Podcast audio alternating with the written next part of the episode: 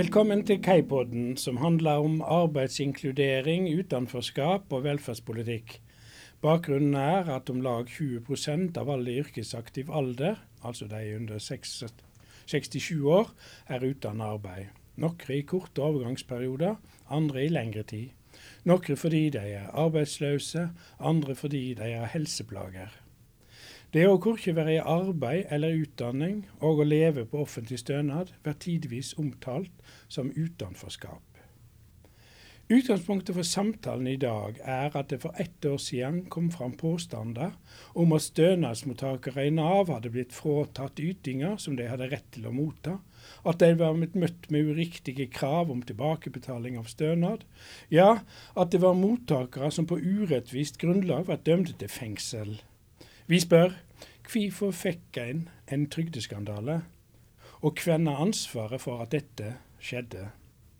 Det er jeg, Lars Inge Terum, som har vært i Kaipodden. Når jeg ikke sitter i dette studio, er jeg professor ved Oslo OsloMet. Forkortinga KAI viser til Kompetansesenter for arbeidsinkludering, og er et senter som ligger her ved storbyuniversitetet Oslo OsloMet.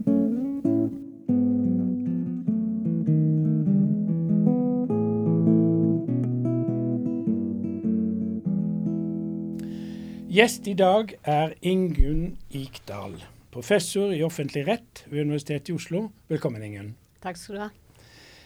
Du arbeider med velferdsrett og har interessert deg sterkt for det som skjedde for nøyaktig et år siden, da Nav-skandalen dundra inn i mediebildet. Men du nytter omgrepet trygdeskandalen og ikke Nav-skandalen. Hvorfor det? Jeg tror det er viktig at vi ser bredere på dette. Dette handler ikke bare om det som har skjedd i Nav. Dette har jo vært ting som eh, der både regjeringen har hatt en rolle, eh, der Trygderetten har hatt en rolle, og der saker har gått for vanlige domstoler. Det har vært forsvarere, påtalemyndighet og dommere. Så det er mange flere enn bare de som jobber i Nav, som har vært involvert i dette. Kan du si helt kort hva, hva er på en måte de sentrale tingene i denne Nav-skandalen? Det som skjer, er jo at eh, i den norske folketrygdloven så står det at for å få sykepenger, eh, pleiepenger og arbeidsavklaringspenger, så må du holde deg innenfor Norges grenser. Men etter EØS-retten så kan man ikke stille ubetinga krav om at man må være i Norge. Men fordi man ikke har da sett nok på EØS-retten, så har man likevel stoppet ytelser eller krevd å få penger tilbake fra folk som har vært i utlandet.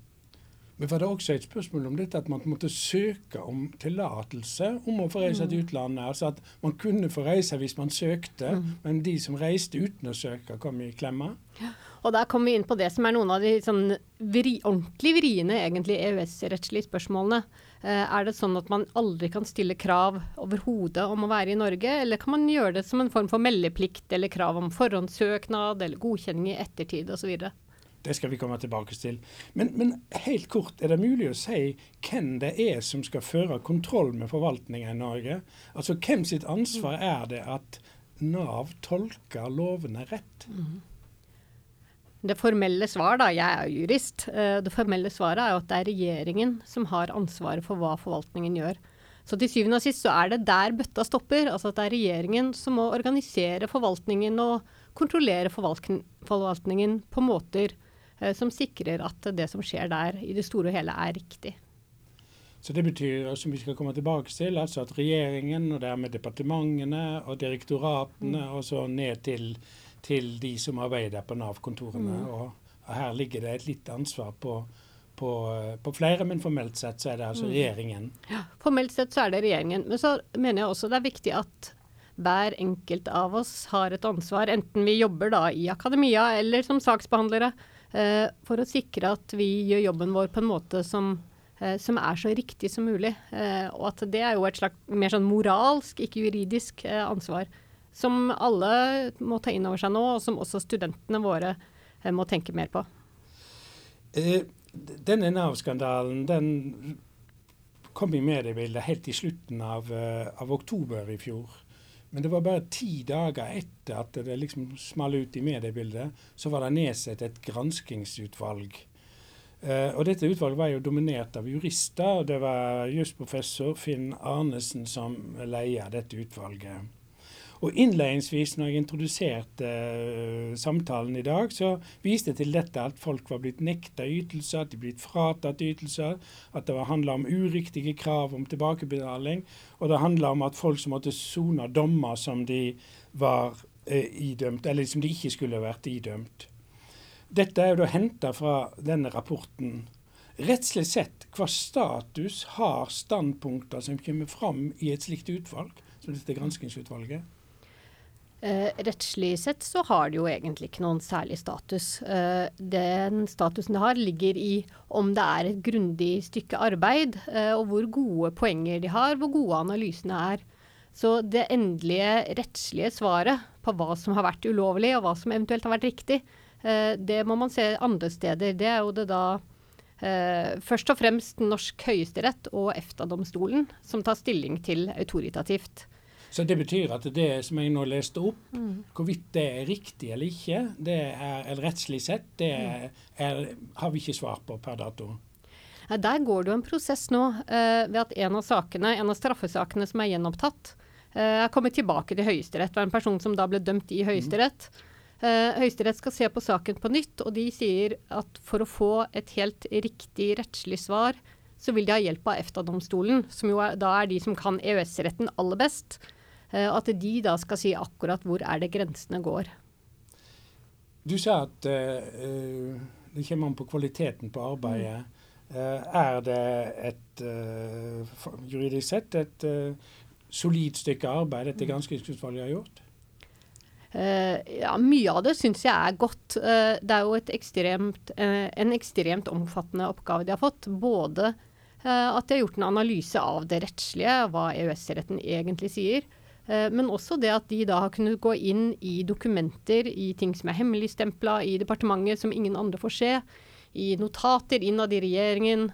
og i dokumenter fra alle mulige involverte. Så de har da samla et utrolig stort materiale Uh, og dermed også gitt allmennheten, som akademia eller Stortinget, mulighet til å skjønne mer av hva som har skjedd før denne skandalen ble kjent. Ja. Du har skrevet på denne bloggen din at, at, det unike med denne Trudus-skandalen ikke er at det blir gjort feil, eller at det er feil praksis i Nav. Det unike er at det tok så lang tid før disse feilene blir oppdaga. Kan du utdype det mm. litt? Ja, altså kan, Det som skjedde da Norge ble medlem av EØS, er jo en, eh, skal si, nesten en juridisk revolusjon. fordi plutselig får man veldig mange nye regler som kommer inn og får betydning for den jussen vi allerede har på nye områder. Eh, og man prøvde å rydde mye på 90-tallet, og så har det fortsatt fremover. Men Eh, på mange områder har det vært gnisninger der det norske lovverket ikke har passet helt med EØS-retten. Um, men man har jo ryddet da gradvis, uh, og så er det spesielt her, mener jeg, at vi nå er ja, 25 år siden EØS-avtalen, uh, og at det fortsatt er jo bestemmelser i folketrygdloven som står stikk i strid med dette idealet om at grensene ikke skal ha den type betydning som de hadde før. Um, og at man i mange år har hatt signaler om at her er det et problemfelt, men likevel så har praksis da bare rullet framover uten å bli utfordret ordentlig. Nå skal vi gå litt videre inn i dette og ta for oss disse ulike etatene, eller delene av forvaltninga som vi, vi, Og vi skal prøve å avgrense disse samtalen til det som er etter 2012, etter denne nye eh, forordninga som kom i 2012. Det som skjedde før, skal vi la ligge i samtalen. Eh, når, gjelder, når, vi snakker om departementet her, så er det jo det vi i dag kaller for Arbeid- og sosialdepartementet vi refererer til. Og det er to sider ved departementet sin rolle som jeg har lyst til at vi skal snakke om. Det ene er på en måte i hva grad de rettslig så de potensielle problemene som lå mellom norsk trygdelovgivning og, og EØS-retten. Og det andre det er i hva grad departementet hadde kunnskap om praksisen i Nav. Så vi skal starte med denne lovforståingen. Um, I denne rapporten, denne granskingsrapporten, de, de, de uh, kaller rapporten for en blindsone. Så, så, er det sånn å forstå at EØS-reglene var en blindsone i departementet? Nei, og det, det er kanskje min, eh, en av mine hovedinnvendinger mot uh, det, man, det, bildet man skapte gjennom den utredningen. At problemet først og fremst var at man ikke hadde tenkt på EØS-retten. For departementet har jobbet mye med EØS-retten, og særlig fra eh, 2013, da vi fikk den første Solberg-regjeringen. I Sundvolden-plattformen, som jo da var liksom arbeidsplanen for, for den regjeringen, så var jo det å begrense trygdeeksport viktig. Og etter det så satte man ned arbeidsutvalg og rapporter som, eh, som, så nærmere på hva man kunne gjøre for å hindre trygdeeksport. Og i de dokumentene, eh, som de er gjengitt i utredningen, eh, så finnes det jo uttalelser som klart sier at eh, man kan ikke anvende de reglene som står i folketrygdloven om at man må oppholde seg i Norge. At hvis man ikke vil at folk skal reise utenlands, så må det være fordi de har en meningsfull aktivitet i Norge som krever at de er i Norge. Så jeg mener jo at dette ikke har vært noen blindsone for departementet. Men samtidig var det vel slik at uh, når departementet fremma et nytt lovforslag i, så sent som i 2017, så ble denne innsikta ikke altså Det, det kom i forarbeidene til denne lovendringa. Så var det ingen diskusjon om det kunne være noen problemer mellom eh, folketrygdlova og, og EØS-retten. Stemmer det? Mm, ja.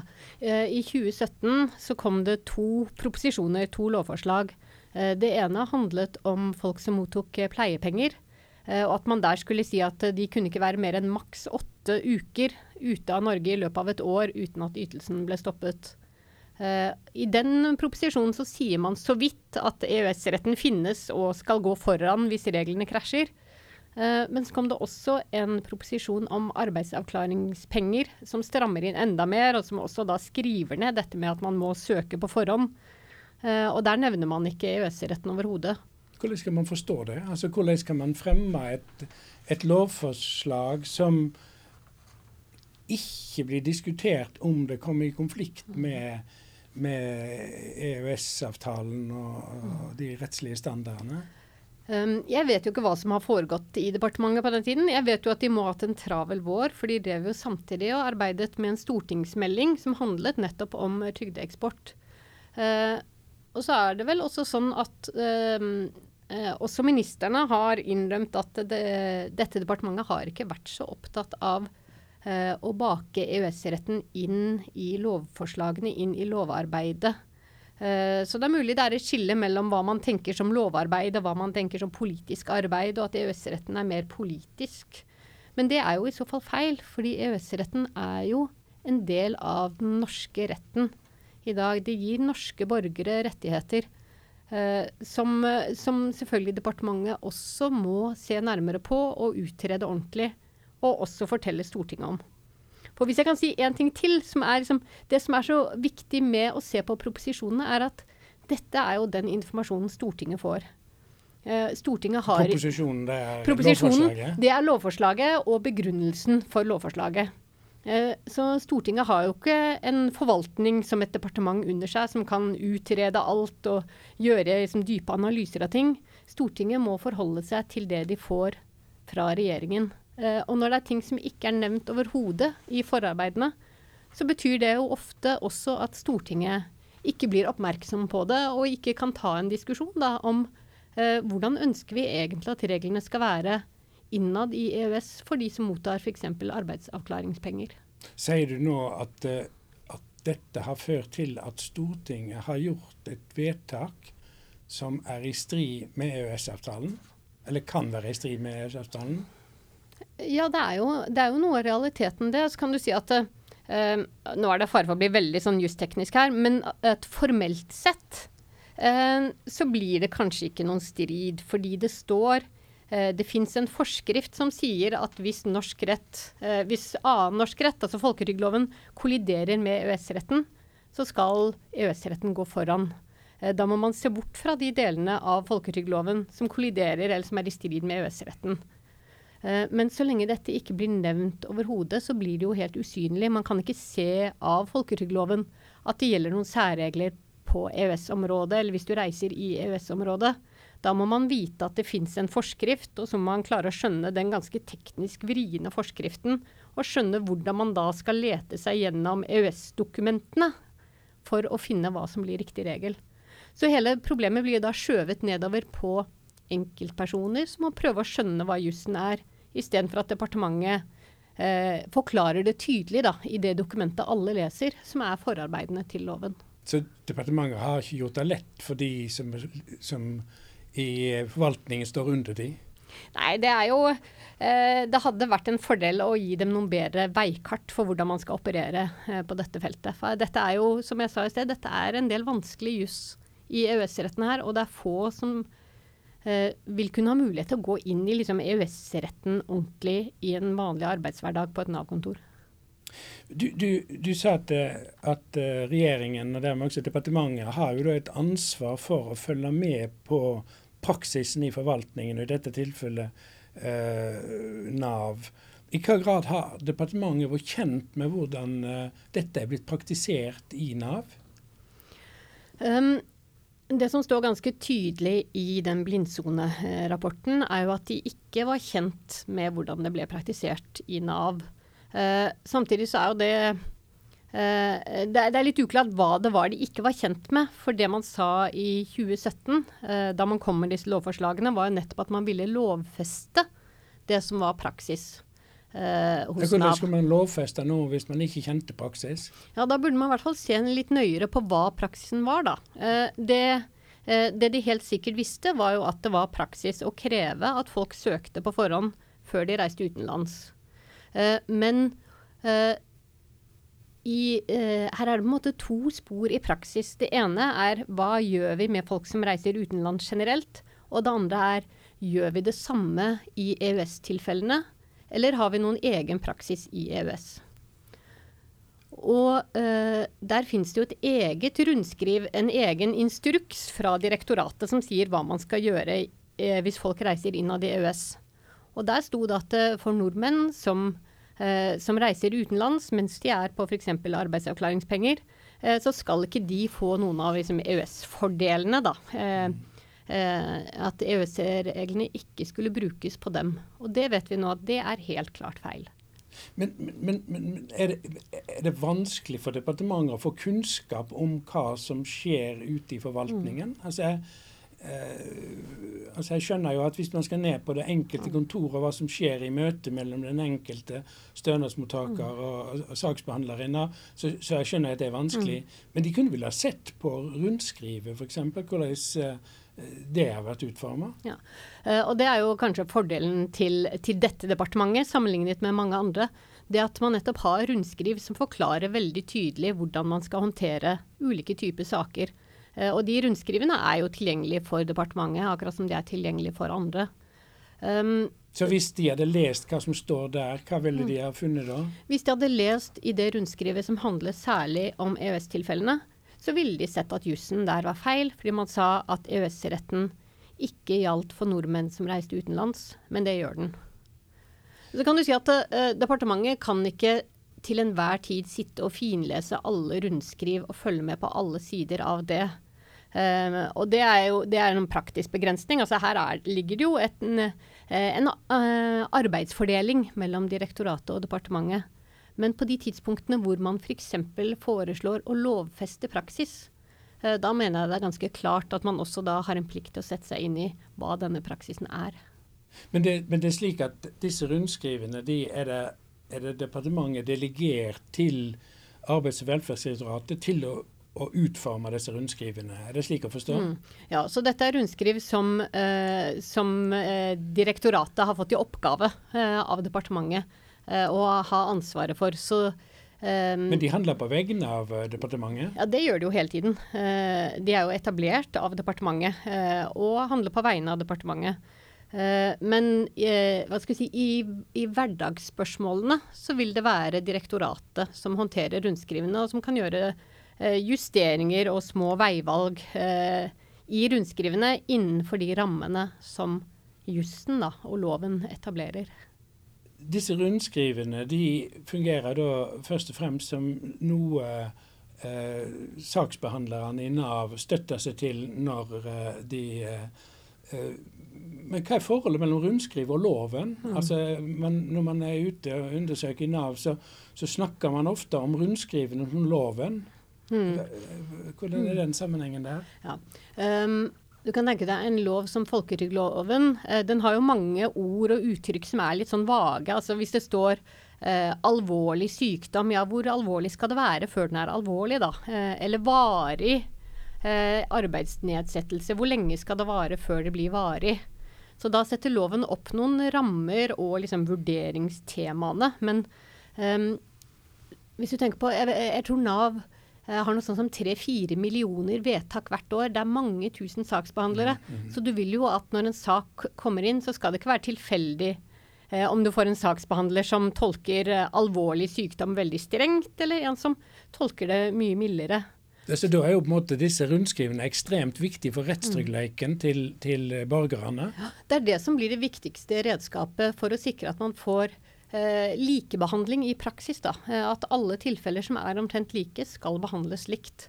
Så Sånn sett så er det jo et fantastisk fint redskap eh, for å sikre mål som vi ønsker. Altså at det skal være en pålitelig, rettferdig forvaltning. Men det gjør det også viktig at de er helt riktige. Eh, for hvis ikke så får man jo følgefeil. altså ved at eh, Da blir alle sakene behandlet feil, og det er jo fortsatt likebehandling. Men um, rundskrivene kan gjøre noen veivalg, men de må hele tiden holde seg innenfor det som er lovlig. Og hvis man ser bort fra EØS-retten, da kan man plutselig få da at alle vedtakene blir ulovlige. Men så lurer jeg litt på I Nav så er det jo slik at det er noen som jobber i frontlinjen og som uh, møter uh, brukerne og borgerne. Men så finnes det en klageinstans. Uh, men så har jeg lest at, at i noen klagetilfeller så har Nav sin klageinstans omgjort et tidligere vedtak mm. og lagt til grunn en lovforståelse som sto i strid med den som står i rundskrivet. Mm. Hvordan kan det ha seg? Uh, det, det, jo, det, kan jo nok variere fra spørsmål til spørsmål, men det kan jo typisk skje hvis man finner ut at um, det som står i rundskrivet er for strengt opp mot det lovgiver, da f.eks. Hvis Stortinget har sagt noe om hvordan loven skal brukes, uh, så er det viktigere enn hva som står i rundskrivet. Jo, men eh, hvis, hvis det er slik at klageinstansen i Nav mm oppdager gjennom sin klagebehandling at rundskrivet er problematisk, eller har en problematisk lovforståelse. Mm. Hvorfor det ikke, ringer det ikke noen klokker innad i Nav da, som sier at kanskje er det et problem med, mm. rundskrivet som vi har? Men det tror jeg ofte skjer. altså, at det, Der hvor eh, Nav klageinstans, eh, der hvor det er liksom prinsippspørsmål, det er ikke bare liksom spørsmål om eh, hvordan man forstår dokumentene i akkurat den ene saken, men hvis det er prinsippspørsmål, så endrer man jo rundskrivene i ettertid. Uh, og prøver å justere dem sånn at de skal være riktige. Og det handler jo også om likebehandling. Uh, for hvis det er uh, bare de som tar saken sin til klageinstansen, som da vinner fram, mens andre som ikke gjør det, fortsatt behandles etter rundskrivet, så vil jo det være en forskjellsbehandling som ikke, er, som ikke kan forsvares. Men så er det slik at, at en sak som er blitt behandla i klageinstansen i Nav, den kan så klages videre til Trygderetten. Mm. Hva er Trygderetten for noe? Er det en mm. del av Nav? Trygderetten er ikke en del av Nav. Um, en Trygderetten er heller ikke en domstol. Trygderetten er en litt sånn hybridposisjon. Uh, som ble etablert samtidig med at vi fikk den første folketrygdloven uh, i 1967. Og tanken var at dette skulle være uavhengig av liksom, datidens Nav. Uh, at det skulle være en kontrollinstans som kunne eh, som kunne jussen enda bedre, og som lignet mer i rettssikkerhet lignet mer på en vanlig domstol eh, enn den klagebehandlingen som man kunne få innad i, i Rikstrygdeverket. Men, men, du sier det er en hybrid. Betyr det altså at det, det er både en slags klageinstans, men den òg har litt en karakter av å være en domstol? Du snakker vel om kjennelser mm. og sånne ting i Trygderetten? Ja, snakker om kjennelser, og, og bare det at man kaller den Trygderetten. Mm. Eh, og så er det også sånn at Eh, hvis man ikke er fornøyd etter å ha fått en avgjørelse i Trygderetten, da klager man direkte til lagmannsretten. Da går man ikke via liksom, førsteinstans, som er tingretten. Men så er det noen viktige forskjeller, og det er eh, f.eks. det at det er ikke muntlig behandling. Så for en vanlig domstol så vil du da alltid møte opp og ha en dommer som sitter der og som kan stille deg spørsmål direkte. Um, det skjer nesten aldri at det er muntlig behandling i Trygderetten. Uh, så det gjør jo noe med uh, hvordan man ser den enkelte sak, uh, om man har mulighet til å stille spørsmål til de det gjelder, eller ikke. Vil du si at Trygderetten er det mest kompetente organet i Norge i trygderettsspørsmål? Ja, det tror jeg du kan si. Fordi eh, det er såpass få saker som kommer til lagmannsretten, eh, og i hvert fall til Høyesterett. Sånn at veldig mange av de juridiske avklaringene skjer nettopp i Trygderetten. Og de som sitter der, de er jo da de er jo spesialister. altså En vanlig dommer vil jo jobbe med alle mulige spørsmål, også litt trygderett. Eh, mens de som sitter der, i all hovedsak vil jobbe med folketrygdloven i alle de flere hundre sakene de er borti i løpet av et år. Men hvordan kan det da ha seg at uh, ikke Trygderetten på et langt mm. tidligere tidspunkt oppdaga at det her skurrer mellom norsk folketrygdlovgivning og EØS-retten? Mm. Ja, og det er jo um, det er jo et spørsmål med mange svar, tror jeg. Uh, et av, et av, svarene handler om uh, hva man er vant til å tenke som trygderett, uh, og at det ikke har vært noen tradisjon for å Eh, for å tenke at EØS-retten også er en del av norsk trygderett. Eh, og så handler det nok litt om tillit. Altså en tillit til at disse spørsmålene har vært oppe før. Eh, kollegaene mine sa i forrige sak at dette var greit. Da er det sikkert greit. Da har jo noen gjort disse vurderingene tidligere eh, og tenkt og sett på denne EØS-retten. Og, og, så er det jo sånn Jeg var et av de første kullene eh, som gikk ut av jusstudiet og hadde EØS-rett som et fag. Eh, lenge så har det jo ikke vært en del av liksom, allmennutdannelsen til norske jurister. Eh, hvis du er noe særlig eldre enn meg, så hadde du det ikke på studiet overhodet. Så betyr, betyr, det at på en måte Trygderetten har forstått seg sjøl i en historisk tradisjon der de først og fremst skulle fortolke folketrygdlova? Mm. Du kan si, Det er jo ulempen med å være spesialist. ikke sant? Eh, at det er fare for at man detter ned i sin egen silo. Så blir man kjempeflink på folketrygdloven, for det er det jo virkelig. Eh, at man kan folketrygdloven og alle liksom, paragrafer og historiene til dem, og alle rettssaker som har vært om folketrygdloven. Men så ser man ikke Det er sjelden EØS-spørsmålene dukker opp. Uh, og man uh, har i mindre grad fulgt med på utviklingen der. Det er sjelden menneskerettighetsspørsmål dukker opp. Det er sjelden grunnlovsspørsmål dukker opp. Bortsett fra noen veldig få spørsmål. Uh, og det er kanskje faren med hele spesialiseringen i juristyrket også. At man blir veldig flink på noen ting, og så glemmer man å se hva, hvem er det som har vikeplikt når plutselig EØS-reglene kommer inn da fra den ene siden? Det bringer meg nettopp inn på det. Jeg vil altså Sosialrettsjuristene sin rolle her. Altså, Du og dine kollegaer på Det juridiske fakultet, dere underviser jo i sosial- og velferdsrett. og I tillegg til det så skriver dere lærebøker i, i disse fagene. Hva er, hva er det, hvordan kan man forstå Dere befinner dere ikke i en silo, slik du snakker om, om, om i Trygderetten. Hva er det som gjør at ikke dere oppdaga dette og tematiserte dette på et langt tidligere tidspunkt?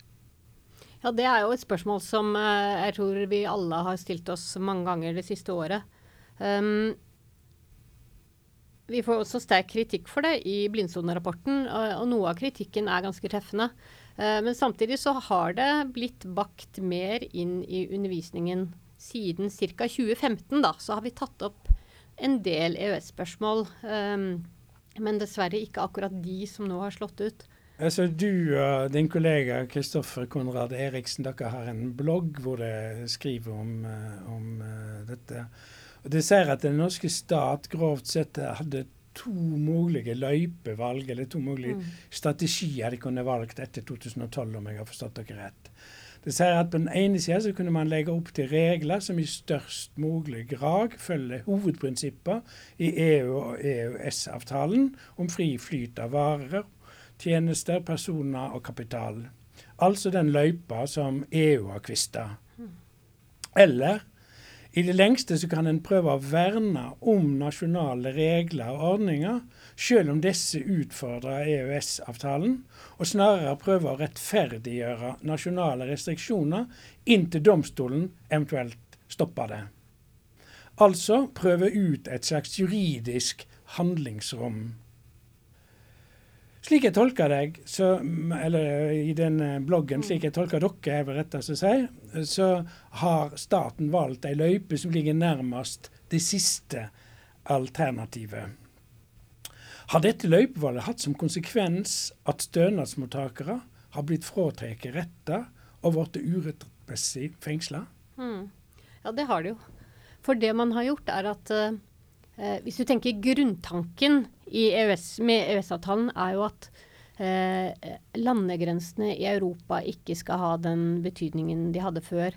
Eh, at man skal kunne bevege seg på tvers uten at det betyr at man taper rettigheter, at man taper økonomisk på det. Eh, så det ville jo vært hovedløypa, da. At man sa eh, vi fjerner denne regelen om at du må befinne deg i Norge. Vi sier at så lenge du oppfyller aktivitetskravene, så lenge du er i dialog med Nav-kontoret, at du kommer til behandling, så lenge du gjør de tingene, så kan du godt reise til Strømstad og handle, eller uh, reise en uke til London. Uh, eller bo litt i Spania. Eller bo litt i Spania. Ja, ja, ja. Så lenge du oppfyller de andre vilkårene. At man fjernet dette. Men ved å beholde den regelen om at du må oppholde deg i Norge, og så si at um, men vi skal gjøre unntak der hvor vi er helt nødt, da er man jo i det farlige landskapet. Og da er vi på de vanskelige eh, rettslige vurderingstemaene om sånn kan man ha krav om forhåndssøknad eller varsling, hvordan skal de utformes, gjelder det hvis du skal på dagstur til Sverige, eller må du være borte en uke? Alle de spørsmålene er vanskelige, og de gjør det jo det gjør det lett å trå feil. Men eh, jeg er litt opptatt av litt sånn mer generelt, altså den politiske himmelen over mm. dette. Eller, eller, er det sånn at det politiske blikket i Norge har vært retta mer mot å hindre trygdemisbruk og hindre trygdeeksport, enn å sikre rettene til borgerne? Jeg tror det er veldig få som tenker på EØS som eh, rettigheter for deg og meg og alle andre i Norge. Eh, at man ikke tenker på det så mye som individuelle rettigheter, eh, som, uh, som, det det faktisk er. da. Og så ser man jo at det har vært en, en, omfattende politisk debatt og til dels enighet om det at man skal begrense trygdeeksport. Og det er klart, det å, det å hindre trygdesvindel er kjempeviktig for legitimiteten til trygdesystemet. Altså Vi er med og betaler inn alle sammen, og når vi betaler inn, så vil vi jo ikke at noen skal få penger som ikke har krav på det. Uh, men jeg tror det er ganske klart at